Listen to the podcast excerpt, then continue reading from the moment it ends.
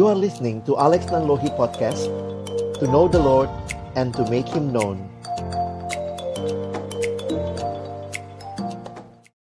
Mari sama-sama sebelum kita membaca merenungkan firman Tuhan Kita berdoa. Bapa di dalam surga kami datang dalam ucapan syukur. Di hari perhentian yang kau berikan kepada kami, sekali lagi kami menaikkan syukur kami. Karena kami boleh datang memuji, memuliakan namamu, dan merayakan kelahiran putramu Tuhan kami Yesus Kristus. Kami telah memuji namamu ya Tuhan, kami telah menaikkan doa kami kepadamu dan tiba waktunya bagi kami untuk membuka firman-Mu. Kami mohon ya Tuhan, Ketika kami membuka firman-Mu, bukalah juga hati kami. Jadikanlah hati kami seperti tanah yang baik. Supaya ketika benih firman Tuhan ditaburkan, itu boleh sungguh-sungguh berakar, bertumbuh, dan juga berbuah nyata di dalam kehidupan kami.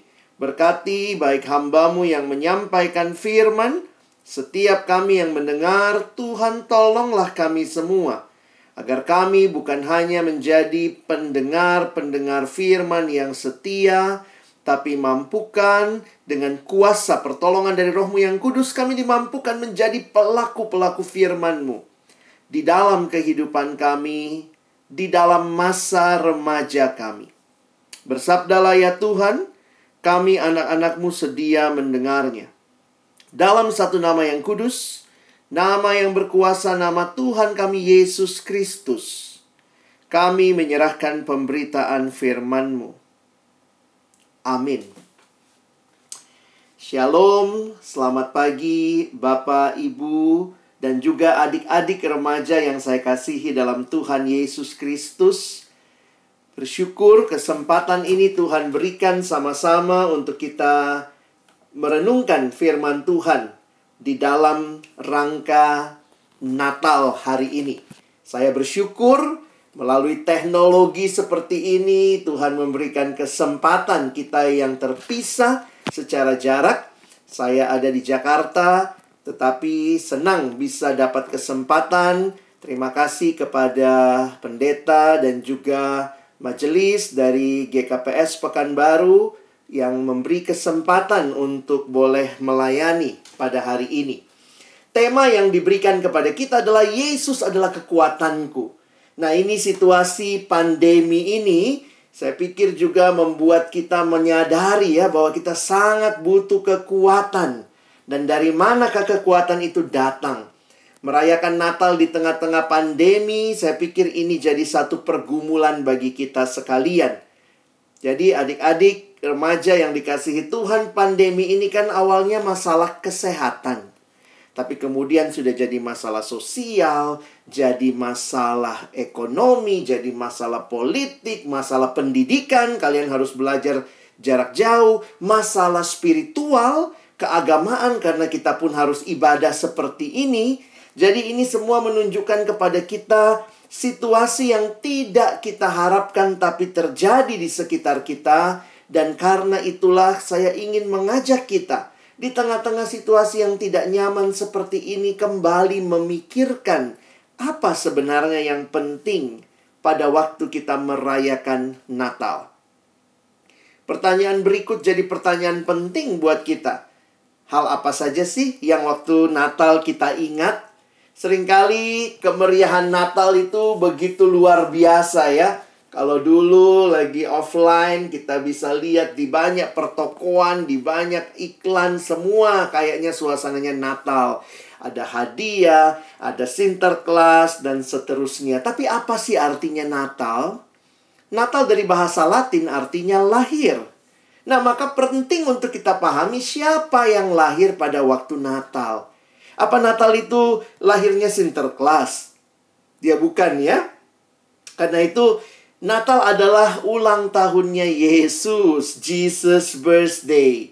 Sehingga waktu kita bicarakan Natal, biarlah kita tidak kehilangan yang pertama, yang terutama, yang sangat penting dalam Natal itu sendiri, yaitu kehadiran Yesus Kristus. Dalam kalimat berbahasa Inggris ada kalimat yang menarik mengatakan begini. What is the most important thing about Christmas? Pertanyaannya, apa hal yang paling penting dari Christmas? Lalu dijawab dengan kalimat berikut. The most important thing about Christmas is the first six letters. C H R I S T. Yang paling penting dari Christmas adalah enam huruf pertama. Christ. Karena bayangkan kalau Christmas without Christ tinggal mas, mas, mas ya. Kita tidak bicara mas, mas. Kita bicara Kristus. Karena itu kalau kita merayakan Natal, Christmas is empty without Jesus. Dan Jesus supposed to be at the heart of our Christmas. Pagi hari ini saya ingin mengajak kita melihat bagian firman Tuhan yang singkat saja untuk memikirkan tema kita, Yesus adalah kekuatanku. Di dalam Injil Lukas, pasal yang kedua, ayat yang ke-10 sampai dengan ayat yang ke-11. Kalau kita perhatikan ayat ini, saya sudah tuliskan di layar kita. Silakan kita pahami bersama-sama. Saya bacakan buat kita sekalian. Lalu kata malaikat itu kepada mereka, mereka itu adalah gembala-gembala ya. Jangan takut, sebab sesungguhnya aku memberitakan kepadamu kesukaan besar untuk seluruh bangsa. Hari ini telah lahir bagimu juru selamat, yaitu Kristus Tuhan di kota Daud. Mari sama-sama hari ini saya ingin mengajak kita melihat siapa sih Yesus. Who is Jesus?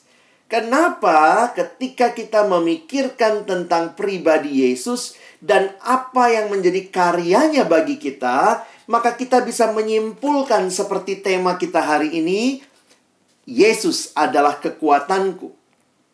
Di dalam bacaan kita tadi, ada tiga hal atau tiga nama yang muncul tentang Yesus. Dikatakan dialah juru selamat, Kristus, dan Tuhan. Ya, pagi hari ini Pak Pendeta ingin kita belajar satu demi satu. Supaya kita tahu apa sih artinya Yesus Juru Selamat, apa artinya dia Kristus, dan apa artinya dia Tuhan. Karena itulah berita yang disampaikan malaikat. Dan perhatikan, menarik sekali kalau kita baca ayatnya mengatakan, itulah berita kesukaan besar untuk seluruh bangsa. Jadi ini bukan berita hanya untuk sekelompok orang. Ini bukan hanya berita untuk orang Kristen. Tapi perhatikan ayatnya mengatakan berita kesukaan besar untuk seluruh bangsa. Ayo kita lihat satu-satu ya. Kita mulai dulu dengan yang pertama, Yesus disebut juru selamat. Apa sih yang terjadi sampai kita butuh juru selamat?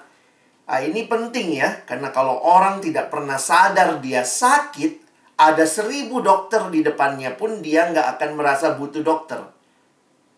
Demikian juga, kalau kita nggak pernah tahu ada masalah apa, kenapa kita butuh juru selamat? Kenapa juru selamat itu dikatakan berita kesukaan besar untuk seluruh bangsa? Ini adalah good news. Nah, kadang-kadang untuk mengerti good news, kita harus tahu apa?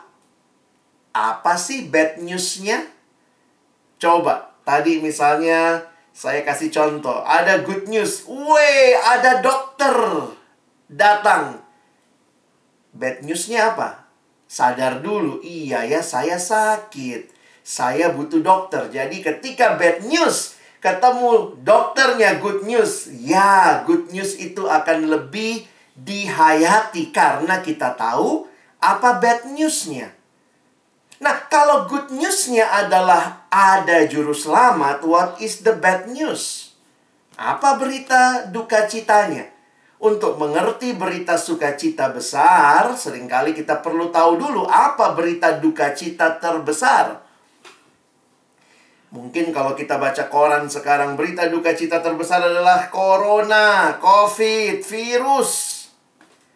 Tapi sebenarnya berita duka cita terbesar yang ada di bawah kolong langit ini yang disampaikan di dalam Alkitab ada di Roma pasal yang ketiga ayat 23. Perhatikan. Karena semua orang telah berbuat dosa dan telah kehilangan kemuliaan Allah. Siapa yang dikatakan berdosa di dalam bagian ini? Bukan cuma orang pintar atau orang bodoh saja yang berdosa, semuanya bukan hanya orang tua, tapi juga orang muda, bukan hanya orang muda, tapi juga anak-anak.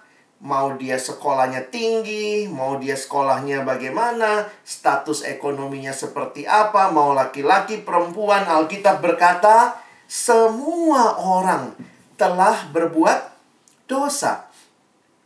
Apa sih yang begitu mengerikan tentang dosa ini? Kenapa harus ada yang menyelamatkan kita dari dosa? Saya pikir ini bukan hal baru, tapi coba kita pikir lagi. Pagi hari ini saya ingin mengajak adik-adikku sekalian berpikir mendalam betapa mengerikannya dosa. Kalau kau main-main sama dosa, kau pikir dosa cuma ah asik aja enak kok. Kau tidak pernah menyadari betapa luar biasanya kehadiran juru juru selamat. Tapi kalau kita sadar betul betapa mengerikannya dosa, maka kehadiran juru selamat akan kita syukuri dan kita katakan ya, saya butuh juru selamat. Ketika awalnya Tuhan ciptakan kita ya, kalau kita lihat lagi sejak penciptaan pertama, Tuhan menciptakan kita itu indah, luar biasa. Dan Tuhan menciptakan kita dalam relasi yang indah, kira-kira seperti ini relasi dengan Tuhan, relasi dengan orang lain. Kalau kita bawa dalam konteks sekarang dengan orang tua kita, kakak beradik kita, keluarga besar kita, kalau di sekolah dengan guru kita, dengan teman-teman kita, dengan masyarakat. Tuhan ciptakan kita dalam hubungan dengan Dia, dengan sesama, dengan diri sendiri, dan juga dengan alam di mana kita hidup. Tapi apa yang terjadi? Hal yang begitu indah yang Tuhan cipta di kejadian satu, di kejadian dua, kita baca di kejadian tiga, manusia memilih berontak melawan Allah. Kata yang dipakai di dalam Alkitab berbicara tentang dosa, salah satunya adalah kata Yunani hamartia. Ada banyak kata yang dipakai tapi ini yang saya mau coba angkat salah satunya, kata hamartia. Pengertiannya seperti orang lagi memanah. Teman-teman sekalian, kalau kita memanah kan maunya kena bidang panah. Jangan kena di luar bidang panah. Dan kalau bisa bukan cuma kena bidang panah, tapi kena yang paling tengah. Nah, sehingga kalau kita bayangkan, inilah gambaran dosa bukan hanya kena bidang panah, bahkan nggak kena bidang panah. Jadi meleset. Meleset dari sasarannya. Jadi coba lihat, seperti itulah yang disebut dengan dosa. Contoh, Tuhan ciptakan manusia untuk menyembah dia. Ketika manusia memilih berontak kepada dia, berarti meleset dari sasaran sasaran awal. Awalnya harusnya untuk menyembah Allah. Eh meleset, malah memberontak kepada Allah, lari dari hadapan Allah, tidak takut lagi kepada Allah. Allah ciptakan manusia dalam relasi dengan sesama. Untuk apa? Untuk saling mengasihi. Tapi yang terjadi apa? Sesama manusia justru satu sama lain meleset dari tujuannya Allah. Harusnya mengasihi, Eh, malah saling menyalahkan. Masih ingat Adam sama Hawa? Ditanya Adam, kau makan buah pohon itu siapa yang Adam tunjuk? Hmm, perempuan ini. Bahkan kejadian 4 mencatat seorang abang tega bunuh adiknya sendiri. Inikah rancangannya Tuhan? Jadi meleset dari sasaran, tidak mencapai target yang Tuhan sudah tetapkan. Karena itu mengerikan sekali di dalam dosa, rusak relasi dengan sesama. Antara suami sama istri, orang tua sama anak, majikan, pekerja, guru, murid, laki-laki, perempuan, sahabat, kekasih, kakak beradik. Yang terjadi apa? Saling menyalahkan, saling mengeksploitasi, bahkan saling membunuh. Di dalam dosa manusia merasa yang paling penting adalah aku, aku, aku. Sehingga ada pertanyaan, how do you spell sin? Kalau belajar bahasa Inggris, how do you spell sin? S I N. Sehingga ada ungkapan begini, what is sin? Sin is the I in the center. Akunya yang paling utama. Yang paling penting aku puas, aku senang, aku untung, aku aman, akulah segala-galanya. Bukan lagi Allah.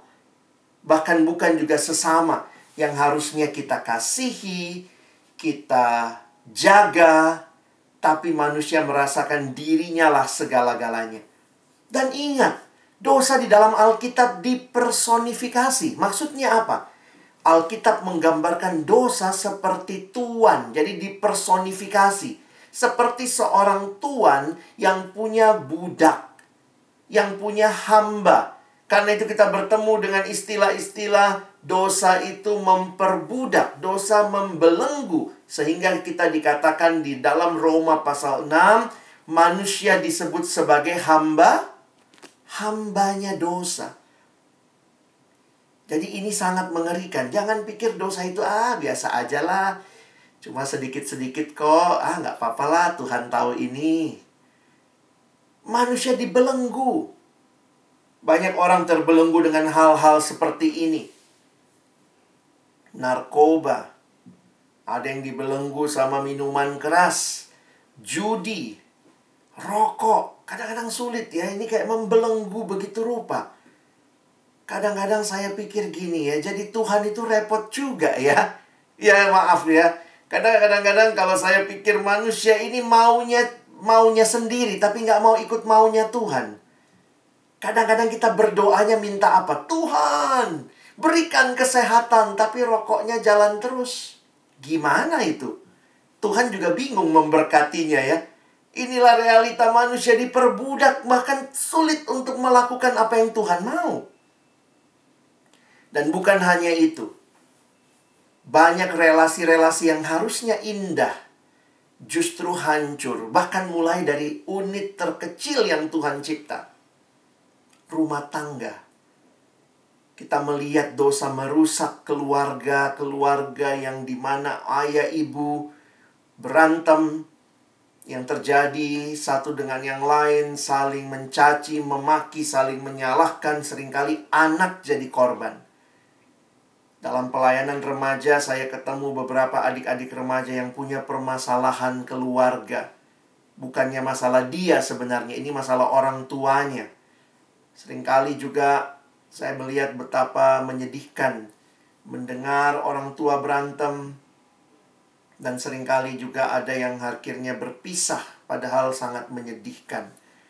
Belum lagi orang tua-orang tua yang juga abusive yang memukul anak begitu rupa, bahkan membuat banyak anak yang punya kepahitan terhadap orang tua.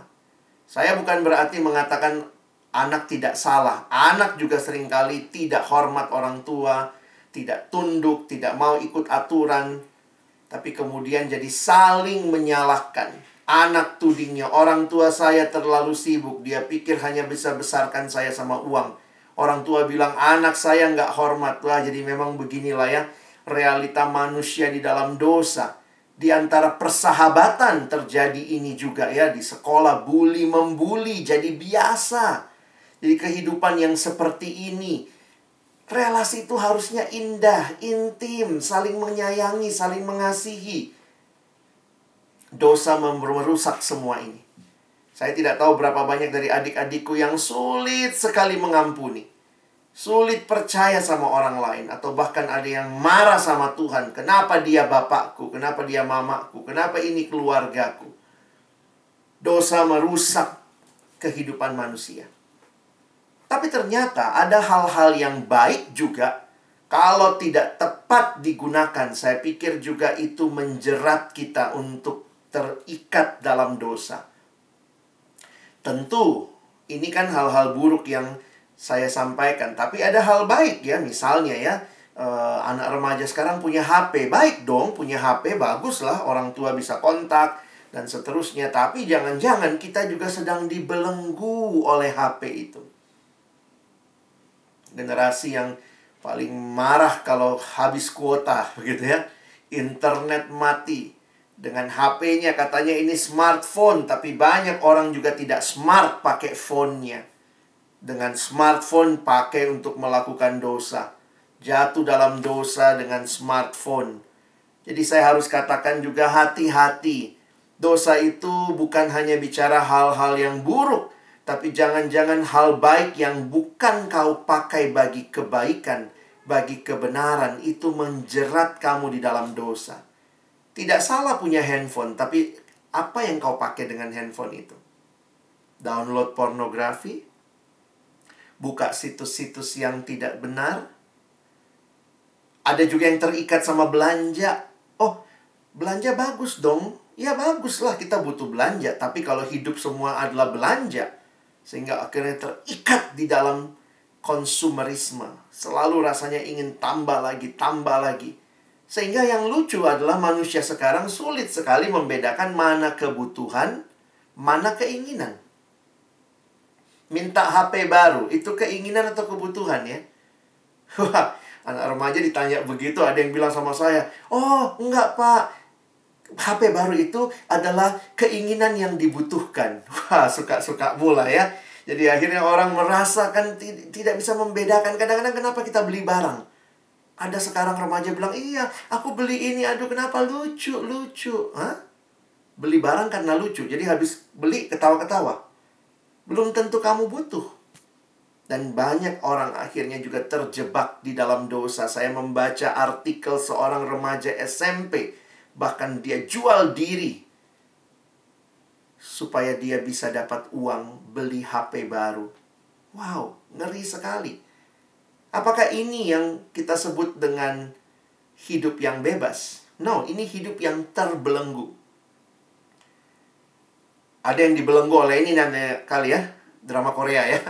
Ya tentu nonton drama nggak salah, apalagi ya cari yang sesuai umurmu ya. Ada anak SMP di sini, anak SMA nonton drakor mah nggak salah ya. Yang pas ceritanya yang baik begitu. Tapi ketika kita kemudian jadi hambanya drama Korea, satu malam bisa berapa seri, baca Alkitab baru dua menit ngantuknya luar biasa. Tapi kalau nonton, wow mata melek sepanjang malam. Jadi banyak juga film-film yang bagus, tapi jangan jadi hamba dari hal ini. Kamu jadi tuan yang tahu kapan harus istirahat, kapan harus belajar, kapan harus nonton. Ini saya taruh semua drama-drama ini yang ada dan lagi hits sekarang ya. Anak-anak yang perempuan pasti tahu ini ya. Ada lagi yang ini yang terakhir ya, startup ya. Kalian timnya siapa? Nam Dosan atau Han Ji Pyong? Padahal mereka berdua foto-foto gitu ya, kita aja yang berantem pilih salah satu. Mereka mah santai aja gitu ya. Apa yang terjadi? Kita kemudian menjadikan banyak hal yang harusnya bisa kita nikmati, tapi jadi sesuatu yang memperbudak kita kalau kita tidak menggunakannya dengan hati-hati. Yang pria, bagaimana? Mungkin ini masalahmu. Oh, saya nggak nonton drama Korea, Pak. Oh iya, tapi bagaimana dengan game online? oh, kok bukan cuma pria ya, perempuan juga gitu ya. Jadi banyak orang yang dibelenggu. Salah nggak sih main game? Boleh dong main game, masa nggak boleh. Tapi ketika game jadi segala-galanya, kamu terikat di dalamnya. Sekarang ada yang ini lagi ya, impostors ya. Jadi ini banyak sekali yang saya lihat dalam realita. Itu ada, itu baik kalau dipakai dengan baik, dengan tepat. Tapi kalau tidak, ini jadi memperbudak kita. Belum lagi yang tadi ya, yang saya katakan terikat dengan pornografi. Sekarang ini jadi begitu gampangnya. Ada yang terikat sama LGBT. Ada yang terikat dengan free sex. Jadi sebenarnya apa yang kita lihat dari hidup di dalam dosa? Saya ingin kaitkan satu kalimat yang saya baca ketika merenungkan tentang dosa ini dari seorang penulis yang saya suka tulisannya bernama Tim Chalice. Tim Chalice bilang begini ya, sin weakens the soul and deprive it of its strength. Kira-kira terjemahannya, dosa melemahkan jiwa dan menghilangkan kekuatannya. Teman-teman, hari ini kita bicara Tuhan adalah kekuatanku, Yesus adalah kekuatanku. Karena dosa itu melemahkan jiwa, menghilangkan kekuatannya. Tidak heran di dalam Alkitab dikatakan Roma 6 ayat 23a sebab upah dosa ialah maut. Jadi dosa ujungnya maut. Karena itu kita butuh juru selamat. Puji Tuhan, Roma 6 ayat 23a tidak berhenti di A-nya saja. Kalau kalian lanjutkan yang B-nya, lihat ayat ini indah sekali. Sebab upah dosa ialah maut, tetapi kalau ada kata tetapi itu pembalikan ya. Tetapi langsung balik realitanya. Karunia Allah ialah hidup yang kekal dalam Kristus Yesus Tuhan kita. Perhatikan gambar ini. Pertama kali saya dapat gambar ini waktu saya khotbah di satu gereja, ada satu slide yang ditampilkan dan waktu saya perhatikan, wow, kalau kalian googling, ini judulnya Peter Drowning. Petrus tenggelam. Jadi sebenarnya gambar ini, perspektifnya itu Petrus lagi tenggelam di dalam air. Lalu dia lihat ke atas. Jadi nggak ada Petrus di gambar ini ya. Tapi dia lagi tenggelam, dia lihat ke atas. Di atas air ada Yesus yang mengulurkan tangan. Bisa perhatikan itu? Jadi Yesus mengulurkan tangan. Jadi jangan salah bilang ya, oh Yesusnya yang tenggelam. Oh bukan ya. Yesus sedang mengulurkan tangan. Dan ini menjadi satu fakta yang menarik. Bahwa manusia tidak dapat menyelamatkan dirinya sendiri. Dosa itu masalah kita teman-teman. Yang bikin dosa kita. Tapi solusinya dari mana? Sin is our problem, but the solution is from God. Solusinya dari Allah dengan hadirnya Yesus Kristus. Yesuslah jawaban atas pergumulan hidup manusia yang melemahkan kita yaitu pergumulan dosa. Jadi teman-teman jangan kau pikir tapi saya kuat pak, saya banyak energi, saya masih muda. Kalau kau hidup dalam dosa, maka lihat apa yang disampaikan tadi Dosa itu melemahkan kamu. Mungkin kamu bisa kuat, tapi kau pakai kekuatanmu untuk melakukan dosa. Kau pakai kekuatanmu bukan untuk hal yang baik. Dan karena itu berita Natal. Jadi berita sukacita. Kenapa sukacita? Karena dosa itu realitas semua manusia. Semua manusia dilemahkan oleh dosa. Dan Matius 1 mengatakan, ia atau Maria akan melahirkan anak laki-laki dan engkau Yusuf ya. Ini adalah kalimat malaikat kepada Yusuf. Engkau Yusuf akan menamakan dia Yesus. Kenapa alasannya?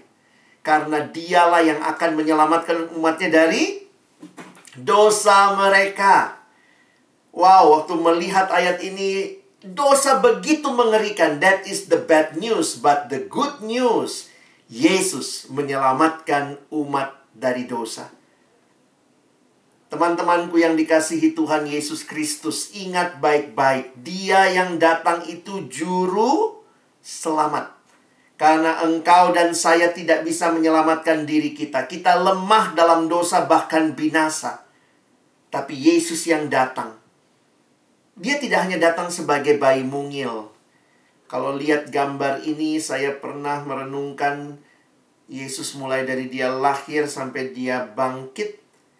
Teman-teman sekalian ingat, Yesus tidak hanya jadi bayi kecil yang tinggal di palungan. Dia bertumbuh besar. Dan bahkan menarik sekali, di mana Yesus berkata sudah selesai? Yesus berkata sudah selesai di kayu salib. Natal tidak bisa dilepaskan dari Jumat Agung, Paskah, kenaikan Yesus. Itu satu paket. Karena di dalamnya, puncak karyanya di kayu salib. Di situlah Yesus membayar harga yang sangat mahal untuk penebusan kita. Karena itu menggemakan apa yang dikatakan di Mazmur 27. Tuhan adalah terangku dan keselamatanku. Kepada siapakah aku harus takut? Tuhan adalah benteng hidupku. Teman-teman sekalian, saya pilih ayat ini karena sebenarnya dalam bahasa aslinya benteng hidupku bahasa Inggris menggunakan istilah strong hold, ya. Pertahananku. So find your strength in God. Dan ada satu kesimpulan waktu saya pikirkan tema kita hari ini. Jesus doesn't just give me strength but He is my strength. Tuhan tidak hanya kasih kekuatan, tapi Dia berikan dirinya. Dialah kekuatan kita. Jadi ini pengharapan kita. Siapa yang datang waktu Natal? Yesus, juru selamat. Yang kedua, dia juga Kristus. Apa artinya Kristus? Lihat, di dalam Alkitab, nanti kamu cek Alkitabmu yang tercetak di bagian paling belakang ada kamus. Apa sih Kristus? Kristus adalah terjemahan Yunani dari kata Ibrani Masyiah atau Mesias atau bahasa Arabnya Al-Masih. Artinya yang diurapi oleh Tuhan. Yesus disebut Kristus karena dialah yang dipilih Allah menjadi penyelamat dan Tuhan, akhirnya Kristus juga menjadi nama diri untuk Yesus. Apa yang menarik waktu kita bicara tentang Kristus? Lihat ya, dia adalah Mesias. Jadi itu bukan marganya. Yesus marganya apa? Kristus. Oh bukan, bukan marganya. Tapi sebenarnya itu adalah gelarnya. Yesus adalah Mesias, yaitu yang diurapi oleh Allah. Dan menarik sekali bicara tentang Mesias. Mesias ini sudah lama dijanjikan. Nubuat tentang Mesias di zaman Nabi Yesaya itu bahkan 700 tahun loh. Sebelum kelahiran Yesus. Jadi apa maknanya waktu malaikat bilang begini sama gembala? Hei gembala, yang lahir ini juru selamat loh. Yang kedua, yang lahir ini Mesias. Ini mengingatkan para gembala kepada janjinya Tuhan. Galatia 4 mengatakan kalimat ini. Tetapi setelah genap waktunya maka Allah mengutus anaknya yang lahir dari seorang perempuan dan takluk kepada hukum Taurat. Ia diutus untuk menebus mereka yang takluk kepada hukum Taurat supaya kita diterima menjadi anak. Ini kalimat Paulus Kalimat Petrus, Petrus mengatakan kalimat ini. Tuhan tidak lalai menepati janjinya. Jadi waktu dengar kata Mesias, sebenarnya ini memberikan keyakinan kepada kita. Tuhan tahu apa yang kita butuhkan dan dia tidak lalai menepati janjinya. Sehingga pengharapan kita bukan dari dunia, bukan dari manusia, tapi dari Allah sendiri. Menarik ya, coba pikir. Yesus adalah juru selamat. Tuhan tahu masalah utama kita, dosa. Yesus adalah Mesias. Tuhan tahu kita kadang bilang, "Tuhan, kenapa lama sekali janjimu?" Tuhan bilang, "No, itu terjadi di waktu yang tepat sesuai kehendak Tuhan." Dan yang terakhir, Yesus adalah Tuhan apa artinya dia Tuhan?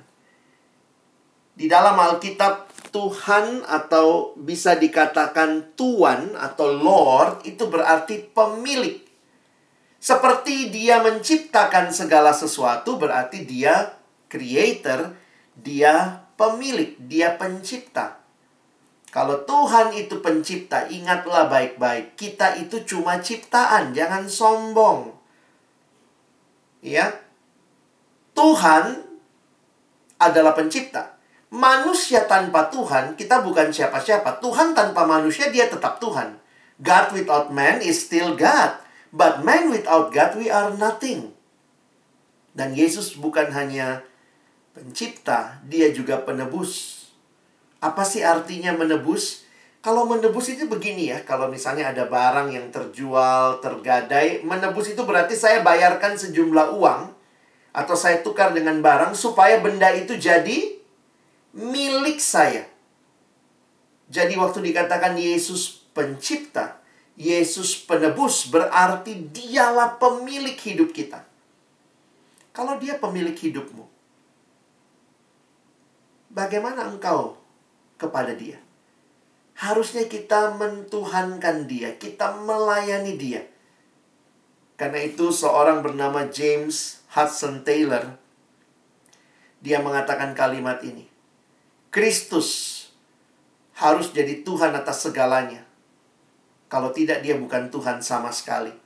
Karena dia katakan kalau Tuhan yang cipta semua ini, maka semua ini harus memuliakan dia. Kalau Tuhan yang cipta hidup kita, dia tebus kita, maka harusnya kita menyerahkan diri. Yes, Lord, you are my Lord, my God. Jadi teman-teman sekalian, apa yang seharusnya jadi respon kita? Bagaimana seharusnya kita merayakan Natal? Saya ingat kalimat dalam sebuah lagu yang akan kita nyanyikan. Ya kadang-kadang kita nyanyi tapi kita lupa. Kalimatnya menarik. Sudah jelas di kalimat itu. Hai dunia, gembiralah dan sambut rajamu. Di mana sambutnya? Di hatimu. Terimalah. Hari ini mari siapkan hati kita. Prepare your heart for Christmas. Kalimat yang indah mengatakan Christmas is not so much about opening presents as opening our hearts. Mari ingat lagu yang akan kita nyanyikan mengingatkan kita hai dunia terimalah juru selamatmu, Tuhanmu. Karena itu bagaimana merayakan Natal? Ya buka hatimu. Terima Yesus dalam hati kita. Saya pikir kita tidak anti dengan istilah terima Yesus. Kadang-kadang kita bilangnya, apa sih terima Yesus? Tapi lagunya begitu. Hai dunia gembiralah dan sambut rajamu di hatimu. Terimalah. Siapa yang kita terima? Yesus. Dan kemudian punya hidup yang berpusatkan Kristus. Perhatikan apa yang terjadi kalau Yesus ada di hidup kita. Kita yang lemah dalam dosa, sekarang kita dikuatkan. Dia sumber kekuatan kita. Saya menuliskan tiga aplikasi dari apa yang kita renungkan tadi. Pertama, kalau dia juru selamat, maka berhenti hidup dalam dosa. Sekarang mulai hidup dalam kebenaran. Karena engkau dan saya sudah diselamatkan. Yang kedua, karena dia adalah Kristus, Mesias yang dijanjikan. Allah tidak ingkar janji, maka jangan pernah putus asa. Pengharapan kita pada Tuhan. Kadang-kadang lihat situasi pandemi ini banyak kita yang ngerasa Tuhan, kenapa begini? Sampai kapan Tuhan? Kristus mengingatkan, nubuat 700 tahun digenapkan. Artinya Tuhan tidak lalai menepati janjinya. Yang ketiga, kalau dia Tuhan, maka ingat baik-baik. Kalau dia Tuhan, maka jangan sibuk sama dirimu. Belajarlah God-centered, not self-centered, tapi God-centered. Berharaplah pada Allah. Harusnya orang yang mengalami Natal, remaja-remaja yang mengalami Natal betul-betul punya komitmen untuk hidup berubah. Mari bangun lagi hidup kita. Bangun hidup yang berakar dalam firman Tuhan. Mari baca, renungkan firman Tuhan. Dari sekolah minggu kita sudah nyanyi lagunya. Baca kitab suci, doa tiap hari kalau mau.